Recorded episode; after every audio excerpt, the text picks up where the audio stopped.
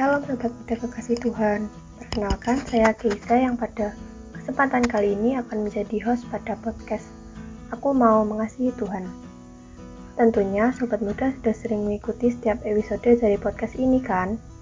Podcast yang dibuat oleh Wonogiri Student Revival WSR ini mengajak Sobat Muda untuk belajar mengasihi Tuhan Podcast ini akan rilis setiap hari Jumat jam 3 sore. Jadi, setialah mengikuti setiap episodenya ya. Jangan sampai ada yang terlewatkan, supaya sobat muda bisa belajar dengan lengkap dan bisa mengalaminya dalam hidup sobat muda semua. Oke sobat muda semua, sekarang kita akan ngobrol-ngobrol lewat segmen BTW, Bincang-Bincang Teman Weekend. Pada BTW kali ini, saya tidak sendirian, saya akan berbincang-bincang dengan tamu spesial untuk bisa belajar bersama. Siapakah tamu spesial kita kali ini?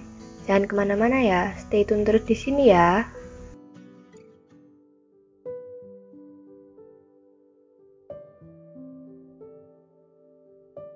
BTW di awal 2023 kali ini sedikit berbeda karena kita akan membedah sebuah buku yang berjudul Menghidupi Injil dan Menginjili Hidup karya Sen Sanjaya. Pastinya sobat muda sudah penasaran kan dengan isi buku ini? Langsung saja bersama saya sudah ada tamu spesial kita yaitu Mas Hirman. Oke, kita sapa dulu tamu spesial kita ya. Halo Mas Hirman, apa kabar Mas? Halo Keisa, puji Tuhan kabar saya baik dan sehat. Kalau Keisa sendiri, bagaimana kabarnya? Puji Tuhan kabar saya juga baik dan sehat mas. Kiranya sobat muda semua juga dalam keadaan yang baik dan sehat ya. Baik Mas Herman, dalam bedah buku episode pertama ini kita akan belajar tentang apa itu Injil. Silahkan bisa dijelaskan nih Mas. Oke Keisa. Jadi Injil adalah berita menggemparkan berita yang penuh sukacita bahwa Allah memperbarui seluruh ciptaan. Ya termasuk sobat muda dan saya dan pembaruan itu melalui kematian dan kebangkitan Kristus. Jadi Injil itu memberitahu kita bahwa kita diselamatkan dari Allah, oleh Allah dan untuk Allah. Wow, menarik sekali Mas Firman. Lalu apa Mas maksudnya diselamatkan dari Allah, oleh Allah dan untuk Allah? Wah, pertanyaan Keisa ini penting sekali loh. Di buku ini dijelaskan makna tentang diselamatkan dari Allah, oleh Allah, dan untuk Allah. Dan penjelasannya sebagai berikut. Yang pertama, diselamatkan dari Allah. Manusia memilih untuk hidup tanpa Allah. Bahkan manusia itu memusuhi Allah. Itulah sebabnya manusia itu layak menerima amarah Allah yang suci atas dosa kita hukuman Allah. Karena upah dosa adalah maut. Seperti yang tertulis di Roma pasal 6 ayat 23. Kemudian yang kedua diselamatkan oleh Allah. Allah dalam anugerahnya itu berinisiatif mengutus Yesus Kristus, anaknya yang tunggal, ke dalam dunia untuk menyelamatkan manusia dari hukuman dosa tersebut. Jadi Allah sendiri yang menyelamatkan. Kemudian yang ketiga, diselamatkan untuk Allah. Allah menyelamatkan kita agar kita hidup tidak lagi bagi kemuliaan diri kita, tapi hidup bagi kemuliaannya. Entah itu hidup di dunia saat ini ataupun di dunia yang akan datang. Jadi, yang menyalibkan Yesus pada akhirnya bukan orang Yahudi atau orang Romawi, namun sebenarnya Tuhan Allah sendiri. Seperti di dalam Yesaya 53 ayat 10, tetapi Tuhan berkehendak meremukkan dia dengan kesakitan. Jadi memang dosa kita yang membuat Yesus itu teregang pada kayu yang kasar itu, kayu salib. Namun, dalam rencana keselamatannya, Allah yang menimpakan seluruh dosa kita kepada Yesus, yang dengan sukarela memberikan nyawanya sebagai korban penebus dosa.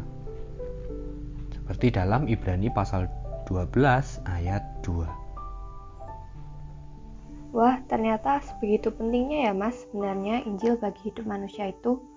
Begitu mengagumkan juga kasih Allah melalui karya salib Yesus Kristus menyelesaikan kesulitan utama manusia. Lalu, bagaimana Injil itu bekerja dalam hidup manusia berdosa, Mas? Baik, Keisa. Selain Injil itu dirancang Allah untuk menyenangkan dirinya yang suci dan juga untuk meruntuhkan manusia berdosa, Allah juga mencelikkan mata rohani kita jadi Injil itu meruntuhkan kesombongan kita. Yang artinya Injil itu memberitahu kita bahwa masalah terbesar dalam hidup kita itu bukan dari luar, tetapi dari dalam diri kita sendiri.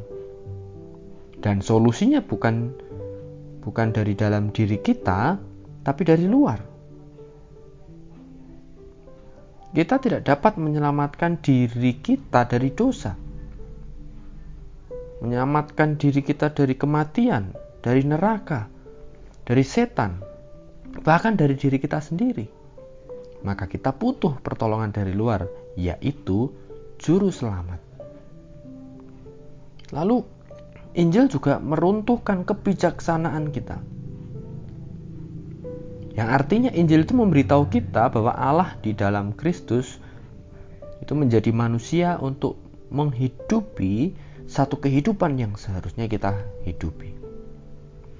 Namun kita tidak mampu dan kita mengalami kematian yang layak kita alami.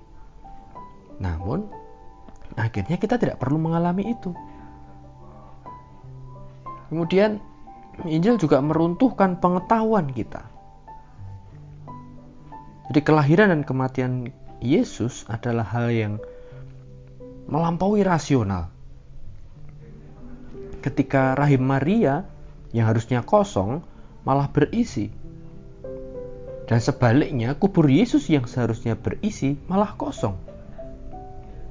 Nah, dari hal itu kita diberitahu bahwa kehadiran Kristus, inkarnasi Kristus, dan juga kebangkitan Kristus itu memang bertentangan dengan metode ilmiah yang ditemukan dan dikembangkan manusia. Karena memang Allah itu melampaui semua rasio manusia. Nah, di akhir, sebagai perenungan kita, ada enam fakta yang Alkitab jelas nyatakan. Dan kita sering lupakan. Nah, mari kita coba renungkan dan kenali bagian mana yang sering kita abaikan. Yang pertama, Injil itu bukan hanya menghadirkan kuasa Allah, tapi Injil itu adalah kuasa Allah itu sendiri. Seperti dalam Roma pasal 1 ayat 16. Yang kedua, Injil bukan hanya menyalurkan berkat Allah, tapi Injil itu adalah berkat Allah itu sendiri. Ini dalam 1 Korintus 9 ayat 23. Lalu yang ketiga, Injil bukan hanya menampakkan kemuliaan Allah, tetapi Injil itu adalah kemuliaan Allah itu sendiri. Ini di dalam 2 Korintus 4 ayat 4 dan 6. Lalu keempat, Injil bukan hanya membawa kehidupan baru, tetapi Injil adalah hidup Allah itu sendiri. Ini di dalam 1 Korintus 4 ayat 15. Kemudian yang kelima, Injil bukan hanya untuk orang yang belum Kristen atau orang yang baru saja percaya. Tetapi Injil itu untuk semua orang Kristen yang terus bertumbuh dalam iman dan kerohanian setelah percaya. Ini di dalam Kolose 1 ayat 16. Kemudian yang terakhir yang keenam, Injil bukan hanya relevan dengan persoalan tentang keselamatan manusia. Tapi Injil itu relevan dengan setiap dan bahkan seluruh aspek kehidupan manusia. Seperti dalam Galatia 2 ayat 1 sampai 11. Kemudian Efesus 5 ayat 21 sampai 33. Oke Mas Herman, terima kasih banyak untuk pelajaran dari bedah buku yang dibagikan hari ini. Kiranya kita semua terberkati melalui perbincangan kali ini. Tuhan Yesus memberkati Mas. Sama-sama Keisa. Tuhan Yesus memberkati Keisa dan sobat muda semua juga ya.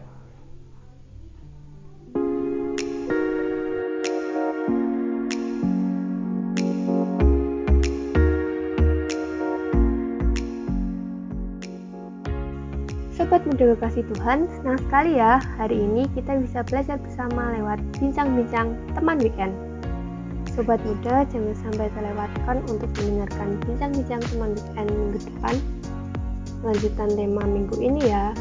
Tentunya bincang-bincang minggu depan tidak kalah seru untuk kita pelajari dan kita alami bersama. Kalau ada sobat muda yang ingin berdiskusi, bertanya, dan juga memberi masukan, Sobat Muda boleh sampaikan lewat Instagram WSR di @wstudentrevival. Sekian podcast kali ini, gabung lagi minggu depan ya. Tuhan Yesus memberkati.